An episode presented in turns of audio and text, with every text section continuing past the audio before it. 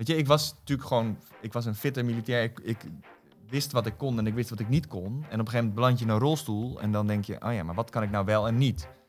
En dat leer je natuurlijk gaandeweg. Alleen zo'n zo'n topsportprogramma, dat versnelt dat proces enorm. Want je leert, Ja. je bent de hele dag bezig met, Met je lichaam. eigen lijf. Ja.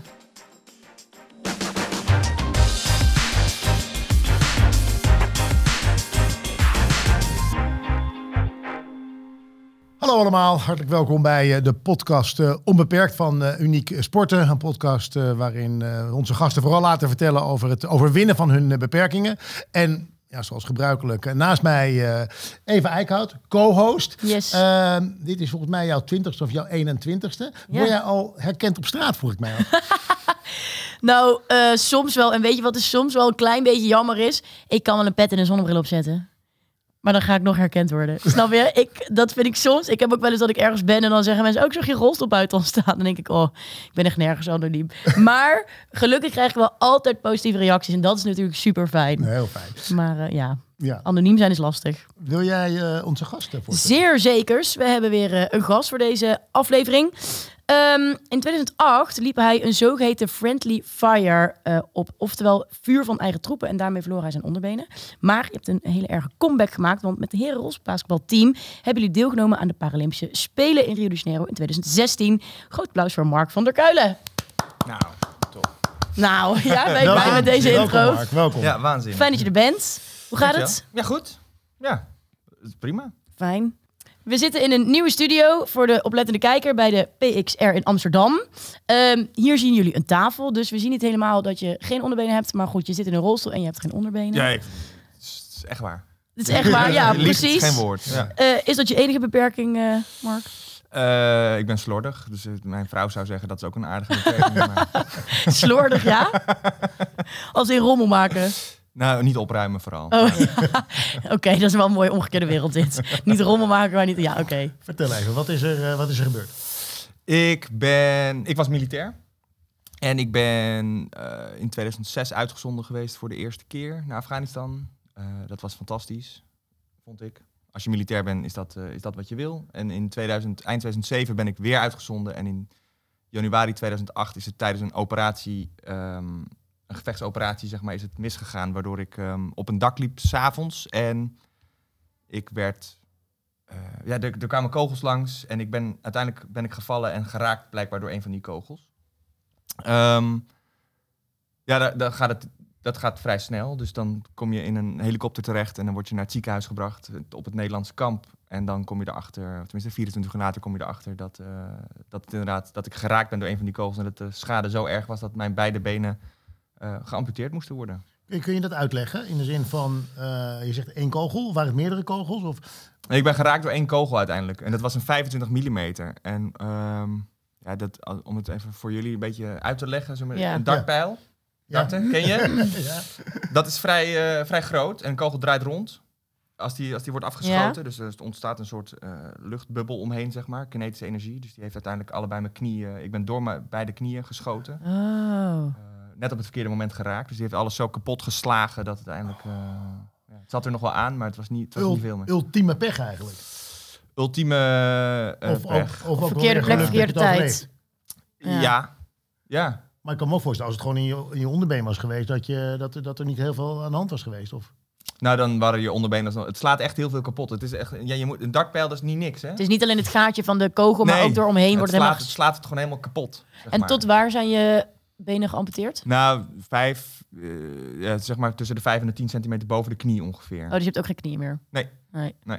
En ze noemen het een friendly fire, want het was dus... Vuur van eigen troepen Ja, uiteindelijk. maar dat is friendly is toch, een beetje, dat is toch een beetje een gekke benaming? Of ligt het dan? Ik vind het niet zo heel friendly. Nee, ja, goed, dat is... eh, Friendly fire, dat ja, blue on blue noemen ze het ook wel, hè? Bla- Blauw, ja, het is gewoon je eigen troepen die uiteindelijk dat zegt het gewoon, ja. op, je, op jou hebben. Dus het zijn vriendelijk, het is, het is van vriendelijke zijde komt het vuur.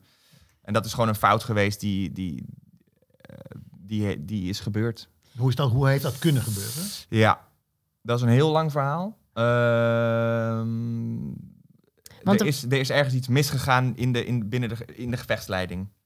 Normaal gesproken, nou, nou gaan we wel een beetje technisch militair. Ja, eh, ja, ja, ja. Maar normaal gesproken, we gingen een dorp in eh, omdat, ja, om de, de vijand zeg maar, uit te, te duwen. Dus de vijand weg te duwen. En normaal gesproken blijf je op linie binnen zo'n dorp. Zodat je altijd zeg maar, rechts en links van je zijn eigen troepen. En voor je is de vijand, in principe. Ehm, nu waren we met twee verschillende eenheden. Dus je hebt twee bewegingen door zo'n dorp heen. En eh, de, de eenheid die uiteindelijk eh, aan de rechterzijde van het dorp... Die, die had weinig weerstand. Dus die had weinig eh, contact met de vijand, zeg maar. Dus die zijn veel verder opgeschoven in het dorp. En die zijn s'nachts, waar ze geen plek konden vinden om te overnachten... ehm, zijn die iets naar binnen getrokken. Zo kwamen we zeg maar, schuin tegenover elkaar te zitten. En de vijand zat schuin tussen ons in. Ja, en dat mag nooit gebeuren. Nee. En daar, dat is natuurlijk eh, heel technisch en dat is heel eh, jammer dat dat wel is gebeurd. Eh, aan de andere kant zeg ik ook, er is nooit een oorlog geweest waar dit niet is gebeurd. Zo. Oké. Blue and Blue of Friendly Fire, dat is, Ja, gebeurt altijd wel een keer. Omdat je, je zit gewoon in een, in een beperkte ruimte en je hebt een be- Ja. beperkte beweging en het is heel onoverzichtelijk. Ja. Heeft het voor jou uitgemaakt dat het friendly was? Eh, in het begin wel, zeker toen ik het hoorde wel. Toen het mij werd verteld door... eh, Want waar was je toen je het hoorde? eh, in het ziekenhuis lag ik toen, in Utrecht. Mhm. En de Maar je was wel in Nederland toen, toen je dat pas Ja, hoorde. ik ben tien dagen, na tien dagen, ik heb tien dagen in het ziekenhuis op, eh, in, in Tiké, in Tarinkoot gelegen, het grote Mhm. Nederlandse kamp, zeg maar. Mhm. En toen ben ik naar Nederland gebracht. En toen, nou, ik lag één of twee weken in, in Utrecht, in, het- in het Centraal Militair Hospitaal. Mhm. En toen kwam de generaal Berlijn, Dick Berlijn. Dick Berlijn, Ja. die kwam toen bij mij langs en om mij dat even te vertellen. Of even, nou goed, het was Ja. voor hem ook niet fijn natuurlijk. Eh, maar het was voor hun, voor- ja, het was al vrij duidelijk dat het zo was. Maar er, er was nog een heel onderzoek gaande hoor, ook vanuit, eh, vanuit het OM zelfs. Eh, die, is, die is naar de plek toe geweest waar het is gebeurd om te onderzoeken hoe dat nou heeft kunnen plaatsvinden. Oh ja. Heeft het dat dan begin- nog gevolgen? Of, eh, Nee, ja, niet per se, niet strafrechtelijk, zullen we maar Nee. zeggen. Nee. Maar wat dacht jij dan toen je dat hoorde? Ja, je wordt, eh, je wordt gewoon pissig. Je en je zit nog, je zit wel, weet je, je bent niet, je zit nog helemaal in die mindset. Dus je bent nog helemaal bezig met wat, is, wat gebeurt daar? Hoe, hoe ga je zo'n gevecht aan? Je, je, je snapt ongeveer hoe het werkt, zullen we zeggen. Hè? Ja, Dus eh, je vraagt je ten eerste af, hoe, hoe kan dat? ja, ja, Want dit is in principe onmogelijk. Ja, Als je, getraind bent. nou ja, Ja. als je, je, als je doet wat je zou moeten doen. Ja. Als Ja, je doet precies. het zou moeten werken. Dus je, ja, ik, daar word je heel kwaad om. Je wordt er gewoon echt heel kwaad om. Aan de andere kant waren er twee collega's bij jou die zijn overleden. Ja, dat waren niet direct collega's van mij. Dat, dat bedoel, je had die, zeg maar, die twee bewegende elementen. Dus Ja. je had de andere eenheid. Ehm, dus die jongens kende ik niet persoonlijk, wat, het, niet, wat het niet erger maakt. Nee. Maar dat was ook Friendly Fire. Ja, Dus een van hun voertuigen is bij ons bijgedragen. Ik zat bij de lichte infanterie, dus wij, kunnen niet, wij konden niet heel ver schieten. mhm, Dus wij schieten tot maximaal 300 meter, zeg maar. mhm. En die voertuigen waar zij in rijden, die schieten... Nou, ik zou het niet weten. Ik heb de, ben Ver. ver. Over de kilometer. En kun je je überhaupt nog herinneren dat je geraakt werd? Ehm, nou, ik weet nog, ik, ik moest zeg maar, ik klom een dak op, omdat ik naar mijn eigen groep moest. Mhm. eh, met munitie in mijn hand. Ik had munitie mee om, om ze te herbevoorraden, zeg maar. En ik weet nog heel goed dat ik flitsen zag langskomen. En dat ik dacht, wow, oh, nou, omdraaien en terug, Mhm. achter de dekking, zeg maar. Mhm. En ja, en ja dat, verder weet ik het niet helemaal meer, Nee. als ik heel eerlijk ben. Het is alleen eh, ja, van verhalen achteraf natuurlijk. Dus je spreekt Ja, ja. iedereen, ook de mensen die mij daarbij weggetrokken uiteindelijk, die, Ja. die spreek je nog.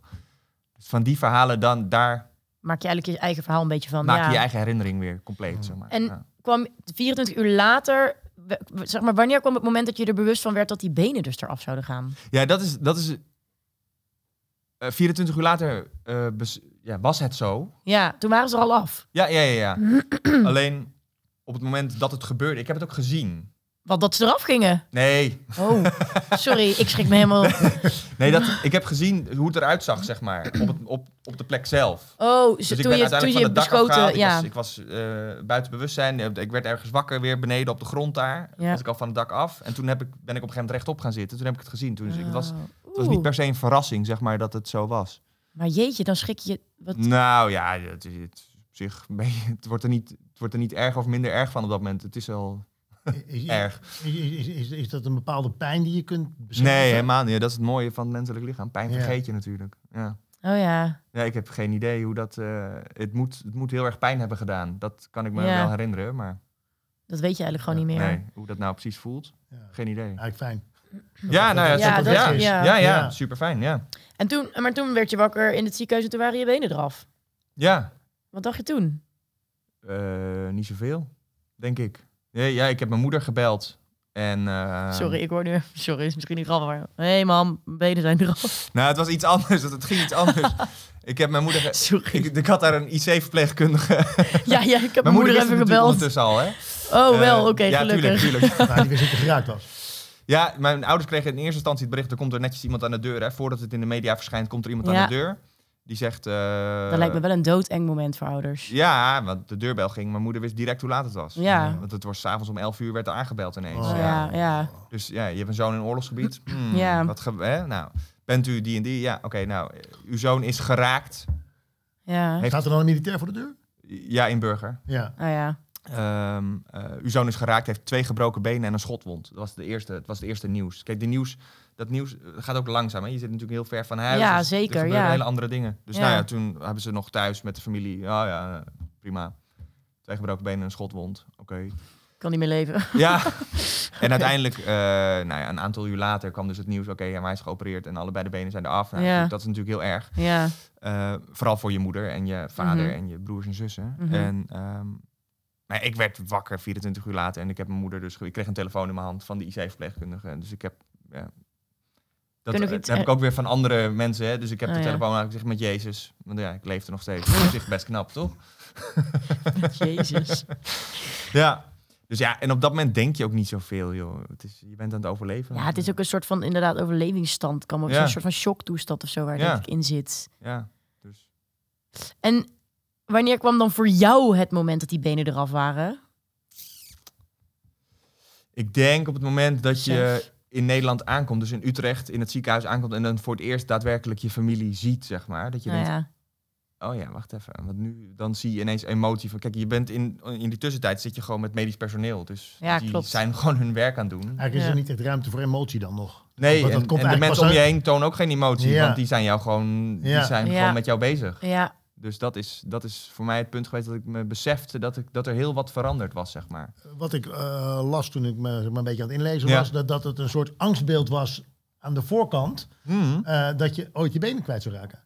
Ja, ik heb in 2006 was er een collega, daar was ik ook niet bij betrokken hoor. Dus, en dat was ook geen directe collega van mij.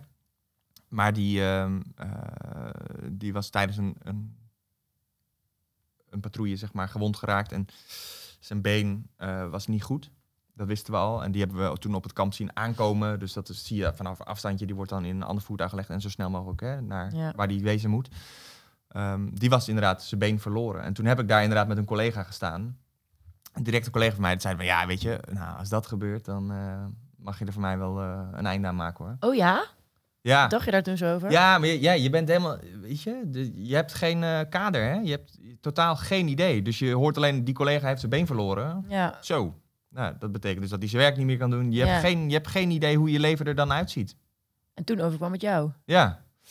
Ja, en dan merk je dus hoe waardevol het leven uiteindelijk is. Dat je zegt van, joh, eh, ja, oké, nou, ze zijn er dan allebei af. Nou ja, en hoe veerkrachtig je bent. En heeft dat denk je te maken met wie je bent? Of komt dat ook voort uit het werk wat je in de militaire dienst allemaal hebt gedaan? Nou, dat durf ik niet te zeggen. Ik weet, ben er eigenlijk van overtuigd dat ieder mens dat zo zou kunnen zijn. Hè? Of ieder mens dat is. Die veerkracht zit er nou eenmaal in. Mhm. Ehm, denk ik, is mijn mening.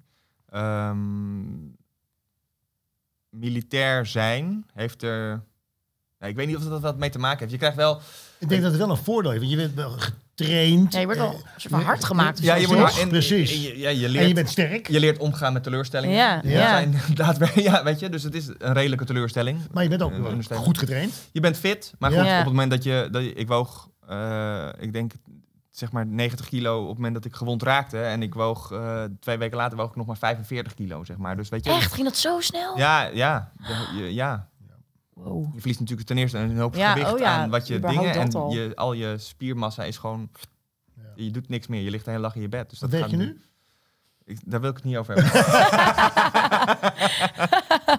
Eh, meer dan in 2016. Oké, maar je, je eh, oogt fit en sterk. Ja. En, eh, ja. Er zit wel echt iemand Ja, naast me. zeker. Nou ja, ik- nee, ja, ik ben, ik ben wel, ik ben weer fit. Dat is prima, Ja. maar dat is... eh, Wat Doe je daar ook veel aan nog? Ja, ik sport wel nog veel, ja. Ja. Mm. Ja, niet meer op, op hoog niveau, maar wel eh, Ja. genoeg. ja, want over sporten gesproken. Je bent op een gegeven moment eh, gaan rolstoelbasketballen. Ja, ja, dat vond ik heel leuk. Want hoe, hoe, hoe ging die transitie? Had je op een gegeven moment het gevoel, ik moet iets gaan doen, zoiets? Ja, want Nou. het revalidatieproces is best lang geweest, toch? Ja, dat, ja, relatief gezien, achteraf gezien, toen ik erin zat, vond ik het redelijk lang duren. Maar Mm. toen ik het helemaal eh, nu achter, achter nou, kijk, denk ik, ja, het valt eigenlijk wel weer mee. Ik wilde vooral leren lopen. Dat is wat ik wilde. Oké, dat, is niet, dat is hetgene wat ik niet meer kan, dus dat Ja. wil ik leren. Ja. Nou, dat ging op zich heel goed. Ik, Want je kunt op deze benen lopen. ja, nou, lo- ja, laten we het lopen noemen. Want? Ik doe, ja, ik doe het ook nooit meer, joh. Het is, ik wilde dat toen heel graag en ik ben toen heel veel eh, ook gaan lopen. Heel veel oefenen, oefenen, oefenen. En uiteindelijk kon ik ook buiten lopen met één kruk of met een stok. Mhm. Maar om nou te zeggen, het, ik, word er, ik word er minder gehandicapt van, zeg Nee. maar. Dat was het niet. Ik ben in mijn rolstoel behendiger dan Ja. dat ik Ja. lopend ben. Dus je doet het eigenlijk nooit meer. Nee, dat ben ik. Nou, dat heeft twee jaar geduurd voordat ik erachter kwam dat ik dacht, oh ja, dit is niet, eh, dit is gewoon niet handig. Moet je Maar het is doen. misschien ook niet per se dat je dan niet beseft dat het niet handig is, maar dat je gewoon ook voor jezelf misschien moet accepteren dat het dan niet meer gaat Ja, lukken. dat is ook een, dat is een heel proces. En uiteindelijk, na die twee jaar, hè, ik ben toen ook gaan, sp- gaan sporten. En dan heb je ook gewoon minder tijd. Of het- de, functionaliteit was er niet meer. Het had geen meerwaarde meer om Nee. het te leren. Dus Nee. dat is, eh, ja, uiteindelijk ben ik daar ook mee gestopt. Ja. Ehm, ja, en dat duurt gewoon even voordat je dat ook zelf accepteert. Dat herken ik wel. ja, dat je denkt, ja, Zo'n plaatje in je hoofd wat je moet loslaten of zo. eh, waar, waar had jij dan, eh, wanneer had jij dat dan? Nou, ik, heb, ik ben zo geboren, Ja. maar ehm, officieel noem je dat levend verlies. En dat betekent dat ik altijd in mijn leven hoofdstukken blijf houden waarbij ik dingen graag anders had gezien. En dus opnieuw daar eh, afstand van moet nemen of ze moet loslaten. Dus bijvoorbeeld toen ik op kamers ging, toen eh, had ik daar heel veel zin in. En toen werd ik op een gegeven moment heel jaloers op mijn huisgenoten dat ze alleen maar druk waren met die stomme inrichting van die stomme kamer. Maar ik was eigenlijk gewoon jaloers dat dat hun enige zorg was. Want ik Ah, moest ook ja. een heel zorgteam opzetten en zorgverleners vinden. Snap je? Dus ik was eigenlijk gewoon jaloers dat, dat ik ook, ik wilde ook alleen maar druk maken om die kamer. Dus toen Ja, moest ik ook even een soort van weer accepteren dat dat voor mij gewoon niet zo is. Ja, En dat is een stukje levend verlies, noem je dat. En dat is bij jou misschien ook een beetje zo geweest. Dat je dacht, oké, ik ga weer lopen, ik ga weer lopen. En op een gegeven moment kom je er eigenlijk achter dat er gewoon helemaal niet van meerwaarde is. Maar dat- duurt best lang in je hoofd, vind ik. Totdat je daar ook eigenlijk rust en acceptatie in vindt. Maar ik weet niet hoe dat voor jou is. ja. Nou ja, acceptatie, de acceptatie... ehm, Ja, ik vind acceptatie misschien niet het goede woord. Nee, ja, dat ik, ja, ik, weet je, het, eh, op een gegeven moment, eh, eh, misschien is dat onbewust, heeft dat inderdaad met acceptatie of het omarmen van het feit dat het nou eenmaal zo is. Ja, Alleen bij mij gaf dat zo praktisch uitvoering dat het gewoon, dat ik dacht, ja, ik kan nu, eh, ik werkte toen in Schaarsbergen bij mijn oude eenheid weer. ja, Ehm, ik trainde op Papendal. oh ja. Dus weet je, ik, ja, ik, wat ga ik nu lopen dan? Dan Ja. stap ik 's morgens in mijn auto, dan rijd ik naar kantoor, dan zit ik op mijn bureaustoel, dan stap ik weer in mijn auto, dan rijd ik naar Papendal, dan moet ik die benen uitdoen, want ik ga rolstoelbasketballen. Dus Maar- wat is, weet je, ja. Had je dan geen moeite, want je, je bent wel een loper geweest, snap je? Dus je, hebt, je weet wel het verschil. Had je dan niet daar meer moeite mee? Dat je gewoon wist hoe het anders kon zijn? Want dat weet ik niet. Nee, wat ik heel af en toe heb gemist, vooral in het begin, is zeg maar hardlopen. En dan Oh ja. het liefst als het koud is en net een beetje miezert. Dat is, dat is de ideale hardloop. Snap je? Ja. Dan was Ja. ik, voordat de mensen kijken die mij kennen toen ik liep, ik was niet de perfecte hardloper. maar ik vond het wel heel leuk. Ja, ja, ja. Of heel lekker, af en toe. Ja, Ja, dus dat miste je. Het is wel grappig, want ik, had, ik heb dan echt het idee dat ik denk... nou, jij hebt sowieso gemist om groot te zijn... en jij vindt het sowieso irritant dat je nu inderdaad... eh, in, dat mensen je in een rolstoel zien... of je vindt het sowieso... nou, dat heb ik, daar heb ik, ja, tuurlijk. En in het begin, en dat is echt, ja, dit- binnen de eerste twee jaar is dat wel geweest dat ik dacht, oké, maar ik moet wel gaan lopen. Ik moet gaan leren lopen, want dan ben ik weer, hè, dan ben ik gewoon weer 1,92. van, Hey, ja, ja, met ik- protheses met- dan met bedoel je. Ja, Kan ik mensen weer recht aankijken. Ja. En dat heeft, dat was meer aan mijn kant dat ik het gevoel had, oh ja, maar mensen nemen niet mij, mij niet echt serieus op het Ja. moment dat ik, dat ik in een rolstoel zou zitten. Ja. Zeg maar. Voel je je nu nog beperkt? Nee, Nee, hè? Nee, dat, is- dat, dat is ook. ehm, Mooi. eh, je komt daar vaak achter op het moment dat je nieuwe mensen leert kennen. Ja, dus die ik. willen iets. Die, ik had toen eh, na, na mijn sportcarrière eh, werkte ik voor een bedrijf en die mensen die, ehm, die wilden van alles voor mij doen. Oh, moet ik even. Man, op een gegeven moment word je. Dus Ja. toen heb ik ook heel duidelijk. Ik zeg, vriend, ik zeg, als ik iets nodig heb, dan ga ik Zeg het je vragen. ik ben ja. echt niet te groot om jou te vragen of, ik, of je wat voor mij wil doen. ja. En mijn mond werkt nog gewoon. Ja. Ja. Terwijl toen. Dus dan merk je dat je eh, er zelf geen last meer van hebt, maar dat andere mensen dus op een bepaalde manier soms anders Ja. naar jou kijken, zeg maar. En hoe was dat dan toen je ging sporten? Want als Paralympiër ben je opeens hè, eh, een topsporter en dan... eh, ja, dat, eh, ik was niet opeens een topsporter. Dat heb, nee, ja, ook een goed, beetje maar tijd gekost. ja, ja, Dat is, dat is in de Paralympische sport natuurlijk sowieso, sowieso lastig. Ehm, en daar ben ik misschien ook wel een voorbeeld van. Ik was fit, ik was sterk, ik, ik, ik kon goed met mijn lichaam omgaan. Maar dan ineens kom je dus in een topsportklimaat terecht, wat toch wat anders is. Mhm. Je bent niet een voetballer die vanaf zijn vijfde, zeg maar, Nee. wordt opgeleid in dat hele... eh, Want hoe oud was jij toen je ging eh rolstoelbasketballen? eh, t- 21, 22? Oh ja, ja. Ja. Ehm, Hoe kwam je er eigenlijk bij? nou, ik vond het gewoon heel leuk. Ik, eh, ik, ik vond sport, dat miste ik ook op een bepaalde manier. Ik heb Ja. vroeger altijd American voetbal gedaan. Ja, ook dus ik was wel echt een, te- een teamsporter. Vond ik heel erg leuk.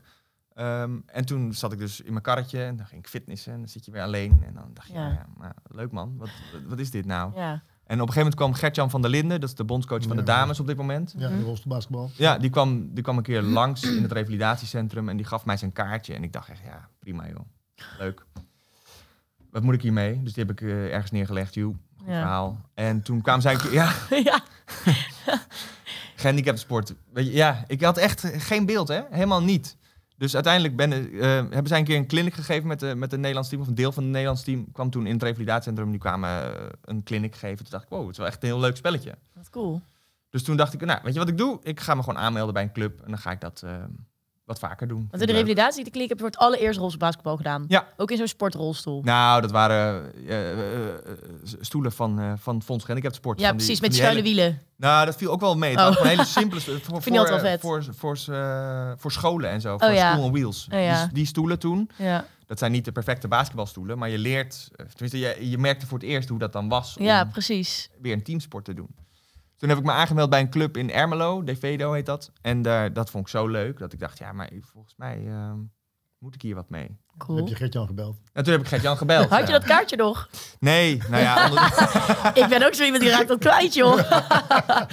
nee, ik heb zijn nummer uiteindelijk gevonden op internet. En, Oh, heel eh, goed. Ik werkte toen in, eh, in Schaarsberg alweer. Eh, ja, dat is natuurlijk vlak bij Papendal. Dus ik heb hem gewoon Ja. gebeld. Ik zeg, joh, ik zeg, eh, kan ik niet met jullie meetrainen? En hij moest eigenlijk een beetje lachen. Hij dacht, ja, wat is dit, joh? Maar wist hij nog wie je was?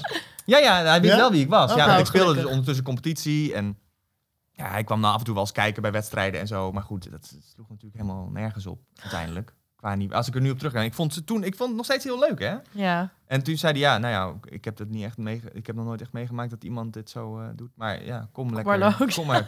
ja, dus ik heb een keer een gesprek gehad op Papendal toen. Zei hij, ja, kom maar trainen. Maar ik had niet eens een sportstoel, joh.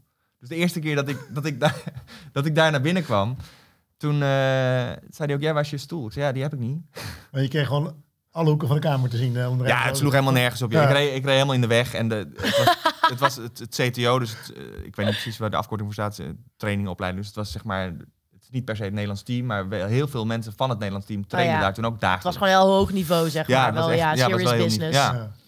Dus ik reed alleen maar in de weg. Het sloeg helemaal... Ja. Vond je het het wel nog steeds leuk? Of Ja, dacht ik je, vond, het oh god. Ja. ik vond het nog steeds fantastisch, maar af en toe maakte ik ja, wel echt fouten. Dat mensen ook helemaal gestoord werden. Dat ze dachten, ja, wat, wat, wat doe jij hier? Ja, joh? ja, ja, ja, Ga ja. weg. Maar uiteindelijk heb je je closed the gap.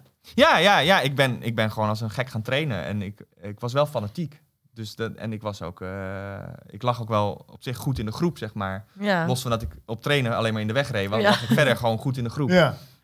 Dus dacht ik, nou, eh, ik werd in 2010 zelfs geselecteerd voor, om mee te gaan naar het EK, ter- voor mijn, hè, mijn eigen verrassing. Ehm, het was niet dat ik, dat ik ja, volgens mij heb ik twee minuten daar gespeeld en een open lay-up gemist, zeg maar.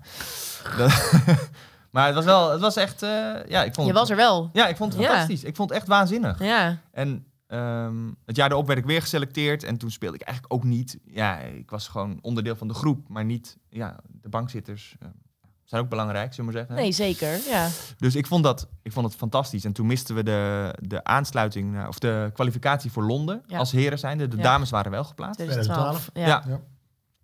Dus in Londen 2012, eh, ja, ik, ging, ik was niet geplaatst. Maar ik ging daarheen met een, eh, een teamgenootje eh, die toen eh, net gestopt was met het Nederlands team, zeg maar.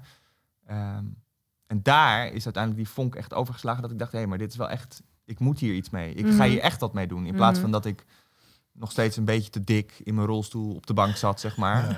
Op, de op de basketbalbank. Dat ik, hè, dat ik dacht, oh ja, nee, maar als ik, als ik hier iets mee wil, Maar je hebt natuurlijk dan moet ik echt aan de slag. een Ja. soort van nadeel, maar ook voordeel. Dat het niveau van het rolstoelbasketbal is natuurlijk best hoog. Ja, ja. Dus je moet echt wel wat, eh, wat doen om, Ja, om, om die Paralympische Spelen te halen. Ja, En überhaupt dat Nederlands te halen. Ja, Ja. ja. nou, dat is de eerste stap. Dat je überhaupt zeg maar, het niveau, dat je je eigen niveau zo eh, eh, omhoog krijgt dat je inderdaad eh, van waarde kan zijn voor het team. En dan niet alleen daarnaast, maar ook op het veld. En daar is dat voor mij de eerste uitdaging, dat ik, dat ik daaraan moest werken. Ja. Ja. En toen gingen jullie uiteindelijk wel naar Rio de Janeiro in 2016. Ja, Hoe was dat? Ja dat was wel eh, echt heel bijzonder. Dat Sowieso de kwalificatie was natuurlijk ingewikkeld. Hè? Ja, ja, ja, ja. heel, of het Nederlands team was heel lang niet gekwalificeerd. Twaalf jaar lang niet. Ja. Eh, we- twee jaar daarvoor plaatsen we eh, sinds acht jaar ons voor het wereldkampioenschap. Mhm. Nou, dat was al echt een ding. Dus we gingen naar, naar het WK in Korea toen. Nou ja, daar werden we echt eh nou, één na laatste, geloof ik. Dat we echt als team dachten ook, oeh, weet je, dit is wel echt, we moeten wel echt aan de slag. Eh, waarin we als team ook wel heel duidelijk keuzes hebben moeten maken. In, oké, maar hoe gaan we de volgende plaatsingstoernooi voor Rio dan aanvliegen? Nou, dat haalden we eh, n- een, eh, nipt. We werden vierde. En de eerste vijf werden toen geplaatst, zeg maar, Oh ja. op het, eh, op het eh, Europees kampioenschap. Ja, en dan ben je inderdaad geplaatst voor, voor Rio. En dat was wel echt heel, eh, heel bijzonder. Dat je als ploeg, maar ook voor mezelf, dat ik in die, in die korte tijd, zeg maar, me wel zo heb kunnen eh, ontwikkelen Ja. dat ik van waarde was voor het team ook op het veld. Ja. Ja. Hoe is, hoe is dat vanuit eh, begeleiding, eh, Paralympische sporters, en in ieder geval het, het Paralympisch rolstoelbasketbalteam? Ja. Eh, wordt dat dan, is dat, is dat echt een topsportprogramma? Ja, ja, zeker. Ja, en dat was voor het basketbal al. Ehm, ja, dat CTO, hè, dat, dat werd alleen een beetje gebruikt, verkapt gebruikt voor het Nederlands team ook. Dus we hebben toen ook gezegd, oké, we gaan met de Nederlandse ploeg heel veel samen trainen. In dat CTO, waar het niet per se voor bedoeld is. Maar goed, soms moet je een beetje eh, Ja. spelen om het, om het toch voor elkaar te krijgen. Ehm, dat is tegenwoordig wel anders hoor. Dat is nu eh, opnieuw ingericht. En dat is, ook, dat is ook beter, want het klopte natuurlijk niet wat we deden. Maar het was voor ons heel nuttig. Ja. Want wij hebben daardoor ons wel kunnen plaatsen voor, Ja. voor die spelen. Ehm, dus het was wel echt een topsportprogramma met alles erop en eraan. Dus en waar ook, praat je dan over? Hoeveel, dagen per week? Hoeveel keer per week? Per dag? eh, vijf dagen per week, twee keer per dag eh, trainen, twee uur. Eh, en daar zit ook je krachttraining in. En daar zit, en Ja. daar, weet je, in je sportspecifieke, dus ook, me, ook hele, ja, je periodisering zit daar. Dus dat is, daar wordt echt wel over nagedacht. Ja, ja, Er zit je krachttraining in, je diëtisten, ja, alles, Ja. alles erop en eraan. Dus dat was eigenlijk een normaal topsportprogramma. Moet ik Ja. zeggen. Ja, ja, ja, ja. En dat was ehm, voor mij in het begin, als je dan weer helemaal teruggaat naar zeg maar 2010 een beetje, zo'n beetje, was dat heel erg wennen. Want ja, dan moet ik ineens overal op gaan letten. Ik nam het ook niet zo serieus. Dat ben ik vanaf 2012 was echt heel serieus gaan nemen. Ja. En had je dan ooit gedacht, toen je daar in Rio de Janeiro stond, dat je daar ooit zou gaan staan in een rolstoel, zeg maar? Nee joh.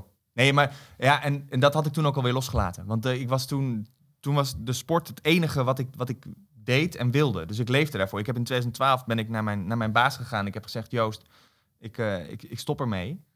Toen zei hij, eh, wat ga je doen nou? Ik zeg, ja, ik, ik wil naar Rio in 2016. Hij zegt, oh, tof.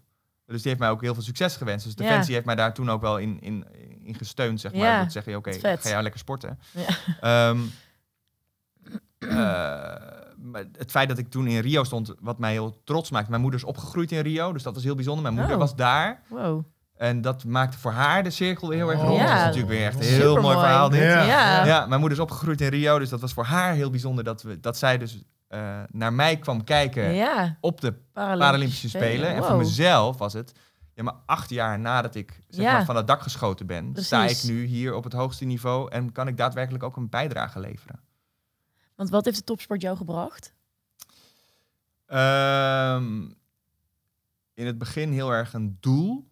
Dus ik, oh, ik, we gaan, ik wil gaan stappen maken dan, zeg maar. Dus in het begin was dat echt, oké, ik wil beter worden in dit spelletje. En vanaf 2012, ik wil naar Rio. Ik Mhm. wil, ik ga, hoe dan linksom of rechtsom, ik moet daar zijn. Ehm, en heel erg mijn lichaam opnieuw leren kennen. Ja. Weet je, ik was natuurlijk gewoon, ik was een fitte militair. Ik, ik wist wat ik kon en ik wist wat ik niet kon. En op een gegeven moment beland je in een rolstoel en dan denk je, oh ja, maar wat kan ik nou wel en niet? En dat leer je natuurlijk gaandeweg. Alleen zo'n zo'n topsportprogramma, dat versnelt dat proces enorm. Want je leert, Ja. je bent de hele dag bezig met, Met, je, lichaam. eigen lijf. Ja. Dus ehm, Je wat, zou het iedereen adviseren ook. ik zou niet iedereen adviseren om een topsport Nee, waarom niet? carrière. Ehm, nou, dat weet ik eigenlijk niet. Dat vind ik wel een goede vraag. Omdat het je eh, ook beperkt in je ontwikkeling op een bepaalde manier. Je bent, Sociaal eh, misschien? Veel Ja. verlaten. ja. En dat is... Daar heb ik nooit spijt van gehad. Maar je merkt op een gegeven moment wel dat je niet meer wordt uitgenodigd op zaterdagavond. Omdat je... Ja, ik woonde toen in Parijs of ik woonde in Hamburg. Dus ik was de weekenden was ik nooit... Ik was er sowieso nooit. Dus oh ja, nou ja, goed, laten we hem ook maar... Ja, we ja, hoeven ja. geen appje meer te sturen. Eh, dat, is, dat is er weer helemaal, helemaal opgelost hoor. Maar je merkt... Je wordt weer geappt. Nee, ja, maar snap je? Je, je merkt gewoon dat het sociaal gezien... Ja, je leidt gewoon een ander leven. En Ja, ik zou het niet kunnen. Ik weet gewoon, dat weet ik gewoon. Ik kan dat sociale, ik, kan, ik ga dat er niet voor opgeven. Dus je moet wel inderdaad veel later. Jij, jij zou geen topsportcarrière Nee. ambiëren. Nee, ja, ik heb het een tijdje geambieerd en toen kwam ik er echt al vrij snel achter. Dat ik dacht, ja, maar ik wil ook naar dat feestje zaterdagavond. Dat vind ik ook heel ja, belangrijk. en, ja, en dat is en wel de keuze waarde die Ja, dat zijn de En keuzes, waar je in de ja. Paralympische sport nog tegenaan loopt, is dat mensen het niet begrijpen. En wat dan niet? Nou, omdat je, je bent toch... eh, kijk, mensen groeien met jou op. Of Mhm. mijn vrienden, die ken ik al eh, die ken ik een aantal jaar. En ik was gewoon die jongen, militair, die ging af en toe op uitzending. Die was veel op oefening, die was veel weg. Maar was ook gewoon een leuke gast. Die Als die er was, dan ja. stappen, feesten en dingen doen. En ineens ben je niet meer die gast. Want Mhm. ineens ehm, ja, woon je in het buitenland. Ja. ben je alleen maar met basketbal bezig. Ja, what the fuck joh. En ze keken ze wel, als het werd uitgezonden op, eh, op Ja. YouTube, zeg maar, keken ze naar die wedstrijden en dachten ze, ja, deze is Mark, leuk, supergoed. Maar wat daar omheen komt kijken, dat... Snappen ze niet. Maar het is wel grappig wat jij zegt, want inderdaad, je bent niet ineens die Mark in die rol, nee, je bent ineens Mark die topsporter. Ja, en, Ja, en dat is dat is- lastig, want ja. ze zijn daar niet mee opgegroeid, Nee. zeg maar, dat jij dat doet. Dus dat jij dingen laat. Ja, ja, ja. Dus in het begin is het ook lastig. Ja, ga je... mee- Nee, ik ga niet mee. ja. Sorry, ik zit dan in Amerika. Nee, sorry, ik zit dan daar. Oh ja, oké. Dus op een gegeven moment, die, dat is een, een lastig ding. Dat is voor andere mensen ook bijzonder. Bijvoorbeeld mijn broer was zo iemand die echt totaal niet snapte. Wat ben jij aan het doen, joh? Die heeft geen idee. Tot hij in Rio was. En toen dacht hij eens, dit ben jij dus aan het doen. Wat grappig. Ja. Wow, heeft er ook... En toen ben ik daarna ook gestopt, dus dat is wel jammer. Ja, ik wou zeggen, snapt hij het eindelijk en toen... eh, Gooi je nog wel eens een bal in een netje? Of, eh? Ja, ik heb nog een tijdje in de Nederlandse competitie gespeeld met een, eh, met een, eh, een groepje, vooral oud-internationals, zeg maar. Nou ja. We noemen het een beetje een bierteam. Het is niet, niet te veel trainen. Als je een keer niet kan, geen Ja. probleem, doe je ding. Vooral de derde helft. Ja, nou ja, en daar ben ik afgelopen jaar, is mijn laatste jaar geweest dat ik. eh, en nu heb ik eh, afgelopen weekend nog toevallig, omdat we echt, omdat ze echt heel veel mensen tekort kwamen, heb ik nog even meegedaan. Maar het Oh is ja. niet Maar, meer. eh, en pleintjes basketbal? nee, buiten, dat heb ik sowieso nog nooit. eh, Nee. nee, dat, eh, nee, dat vind ik. eh, nee, dus ik train nog wel met die gasten hoor. Dus ik train nog één keer in de week, vind ik leuk. En dat is gewoon gezellig en het is leuk. Ja. Maar ik hoef niet meer die wit- wedstrijden allemaal in het weekend en zo. Ben je nog goed? Voor de Nederlandse competitie ben ik goed genoeg. Ja, ik zou niet meer met een Nederlands team mee kunnen doen. Dat je merkt toch, daar zit ook een ontwikkeling in. En ehm, En, en, en wat mis je dan vooral? Nu, als Ja? ik nu, Ja? ja, conditie, snelheid, je, dat, je, je bent er niet meer elke dag mee bezig. Dus je Niet meer op verliest hun gewoon, niveau, nee. je, je verliest gewoon Ja, je moet En gewoon bepaalde blijven behendigheid, ja. Ja. Ja. Heb je, jij, wat, Fysiek, wat, fysiek? Wat, voor sport heb jij veel gedaan? Ja, ik ben... nou ja, ik heb in mijn jeugd gevoetbald. Ja, En tennis, ik- toch? hè? Nee, hockey. Oh, hockey. Ja, daarna gaan hockey, ja. ja. ja. Maar ja, uiteindelijk waar het om gaat, en dat is bij alle sporten, hockey of wat dan ook. In principe kun jij hetzelfde als je tegenstander. Alleen een international kan dat veel vaker op een veel eh, preciezer niveau. Dus Ja. jij, kan, jij kan ook de flatsen noemen ze dat geloof Ja, ik. flatsen. Alleen een international kan dat honderdduizend keer. Ja. Terwijl jij dat hè, van de tien schoten misschien maar twee keer lukt. Dus Ja, dat ja, is, en dat niveau dat daalt gewoon. Op het moment dat je daar niet Ja. heel veel meer mee bezig bent, doe je dat, ja, dan lukt dat gewoon niet meer. Dus ik zou dat ook niet meer kunnen. Heb jij ook last van fantoompijnen? Nee. Oh. Nee, ja, twee keer per jaar.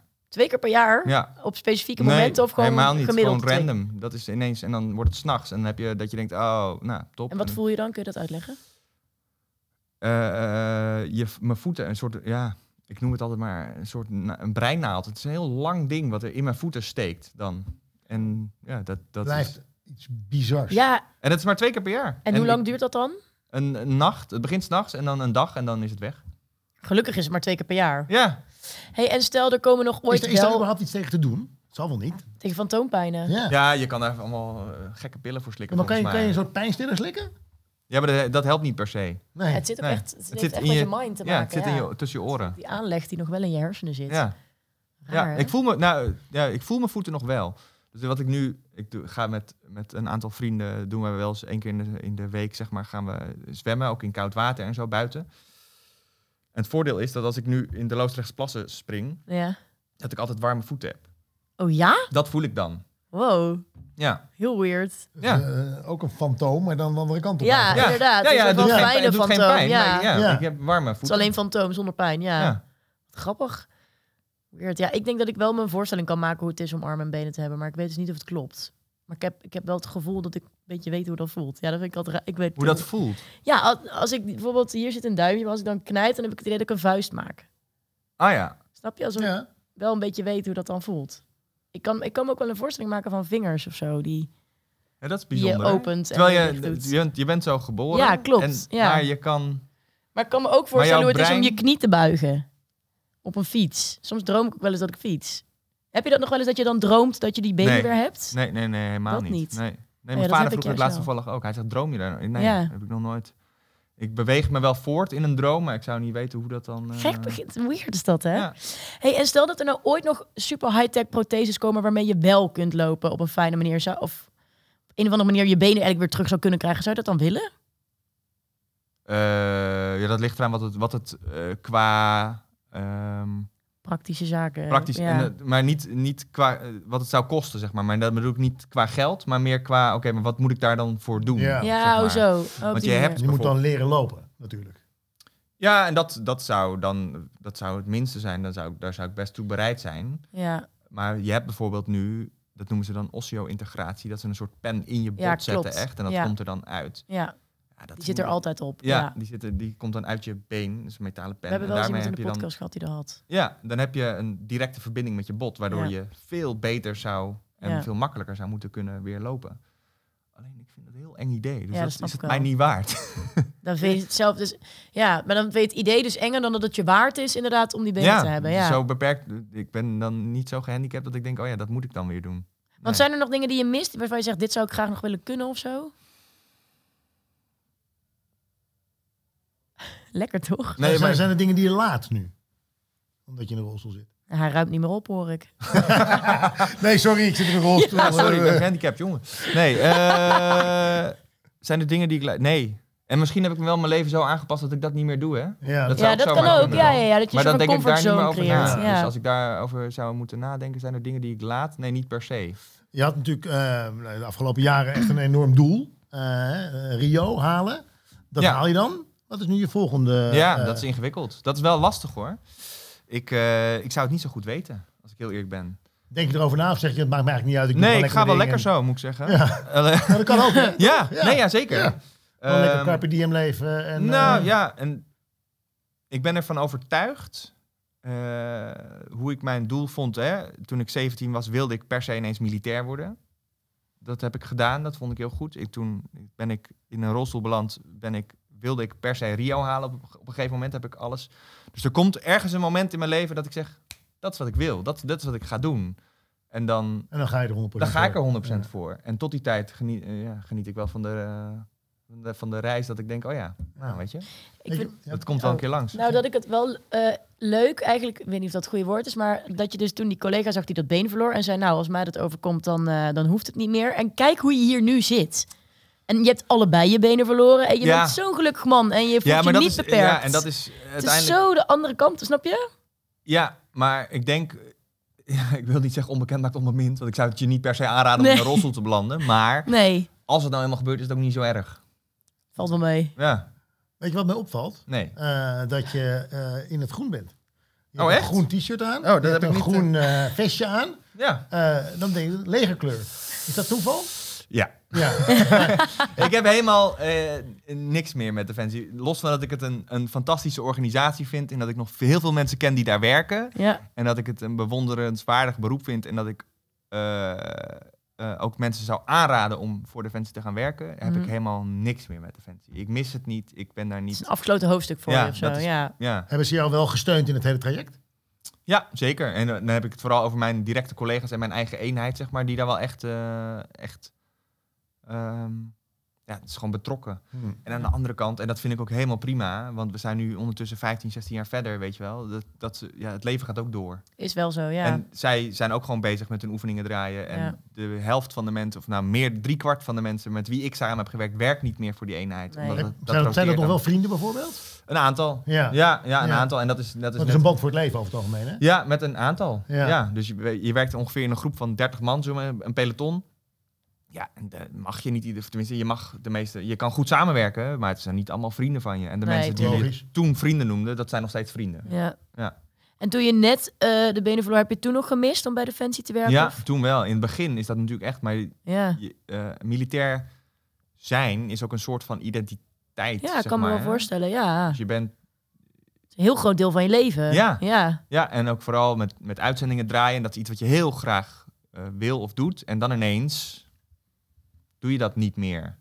Dus dan mis je wel een bepaalde. Ja. En wat ik misschien wel mis, is dat je je, je collega's en de, de vertrouwensband. Dus de, Ja. ja. en dat, dat is, wat je samen had of ja, zo. en dat noemen heel veel mensen, wat ik echt een verschrikkelijk word, dat die, die dat broederschap, of het Ja, ja, ja. kom, hoe noemen ze dat? Kom, kom, Ik heb geen idee. kom, Com comedy. ja, Ja, kom, ja, kameraadschap. kom- kameraadschap, dat Ja, is het woord dat ik ja. Vind ik echt een verschrikkelijk woord. Waarom? Ja, omdat het, Voelt dat niet zo? ja, dat doet mij altijd Eh, denken aan, Ik snap het wel. aan mensen. eh, Ja, het is een beetje plastisch. Zeg Ja. maar. Terwijl het, het, maar het, het dekt wel uiteindelijk de lading. Ja, en dat is het jammer eraan, want heel veel mensen roepen, ja, ik mis het kameraadschap. En ja, wat betekent dat dan? Ja, dat weet je niet precies. Maar Ja. het is denk ik een soort van die samen, het, het vertrouwen, het samenwerken wat je, wat je mist. En waar je Ja. in een, je hebt natuurlijk, binnen Defensie heb je ook, eh, moet je bepaalde keuzes maken en heb je ook een soort van ellebogen dingetjes, alleen op een andere manier. Ja. Mark, we, we- ik zou eigenlijk nog doorgraag eh, uren met je verder willen praten. Nou doen we dat de andere keer. Maar, ja, Oh, maar eh, ja, met een oog op de klok. Ja. eh, ja, ik wilde nog een slotvraag stellen. dat mag, dat mag. Die, eh, Nou, ik dacht, stel er zit nu iemand te kijken of te luisteren wiens leven drastisch is veranderd, op wat voor manier dan ook. Wat zou je diegene willen meegeven nog? Oei, de levensles. De Ja. levensles. Ja. Kan groot, kan klein zijn. Eh, ja, gaat. eh, het komt wel goed. Ja, Ja. Dat denk ik ja. snap hem wel. Is dat iets? eh, Ja, hoor. of is dat te, te, te, Nee, ik, eh, te zweverig? Nee, te- mama zegt het altijd. Mama zegt alles komt goed en als het niet goed komt, komt het toch goed. Ja. Als het niet goed komt, dan is het, Ja. dan is het nog niet zo ver. Dus dan Ja. is ja. Ja. Nou, goed, nee, ja. Amen. Dank, dank, dank. Jullie Ja. Verhaal. Ja. Zeker. Eh, Dankjewel, Eva. Jij ook weer bedankt. Ja, en dank jullie weer voor het kijken. Mocht je nou eh, meer eh, verhalen willen horen, maar vooral ook meer weten over eh uniek sporten, ga dan naar www.unieksporten.nl. En wil je nog meer verhalen horen, dan kan dat natuurlijk via je favoriete podcast-app of via YouTube. En tot de volgende keer. Tot de volgende keer.